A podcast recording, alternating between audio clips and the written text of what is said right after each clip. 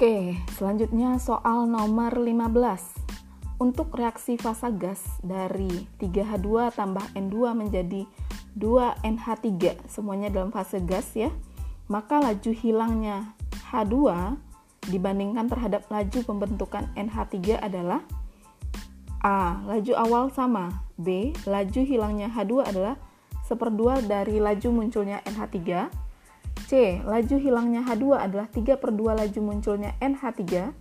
D. Laju hilangnya H2 adalah 2 per 3 laju munculnya NH3. E. Laju hilangnya H2 adalah sepertiga laju munculnya NH3. Oke, kita akan bahas.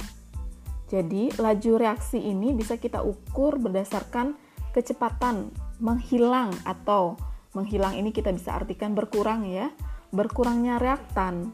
Jadi, reaktan ini akan membentuk produk.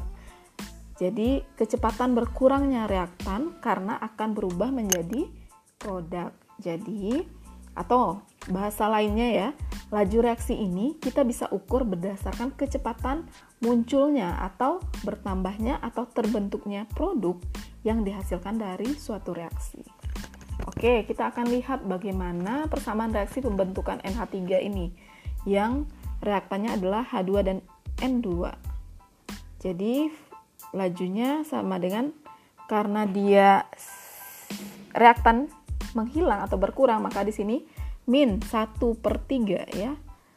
Sama dengan min 1 per 3 H2 per delta T. Jangan lupa laju itu per satuan waktu ya. Kemudian sama dengan sama dengan min konsentrasi N2 per delta T. Sama dengan plus. Jadi untuk produk itu tandanya plus setengah dari konsentrasi NH3 per satuan waktu. Jadi di sini jawabannya adalah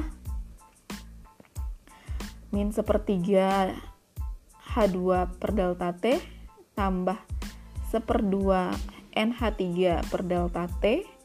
Jadi ini adalah min konsentrasi H2 per delta T itu sama dengan plus 3 per 2 NH3 ya jadi min sepertiga ini kita pindah ruaskan ke kanan. Min sete plus setengah ditambah. Ya ditambah uh, eh, 1 per 3 ditambah 3 per 1 ya. Dikali 3 per 1 jadi jawabannya adalah 3 per 2 ya. Jadi laju hilangnya H2 adalah 3 per 2 laju munculnya NH3 Jawabannya yang benar adalah C.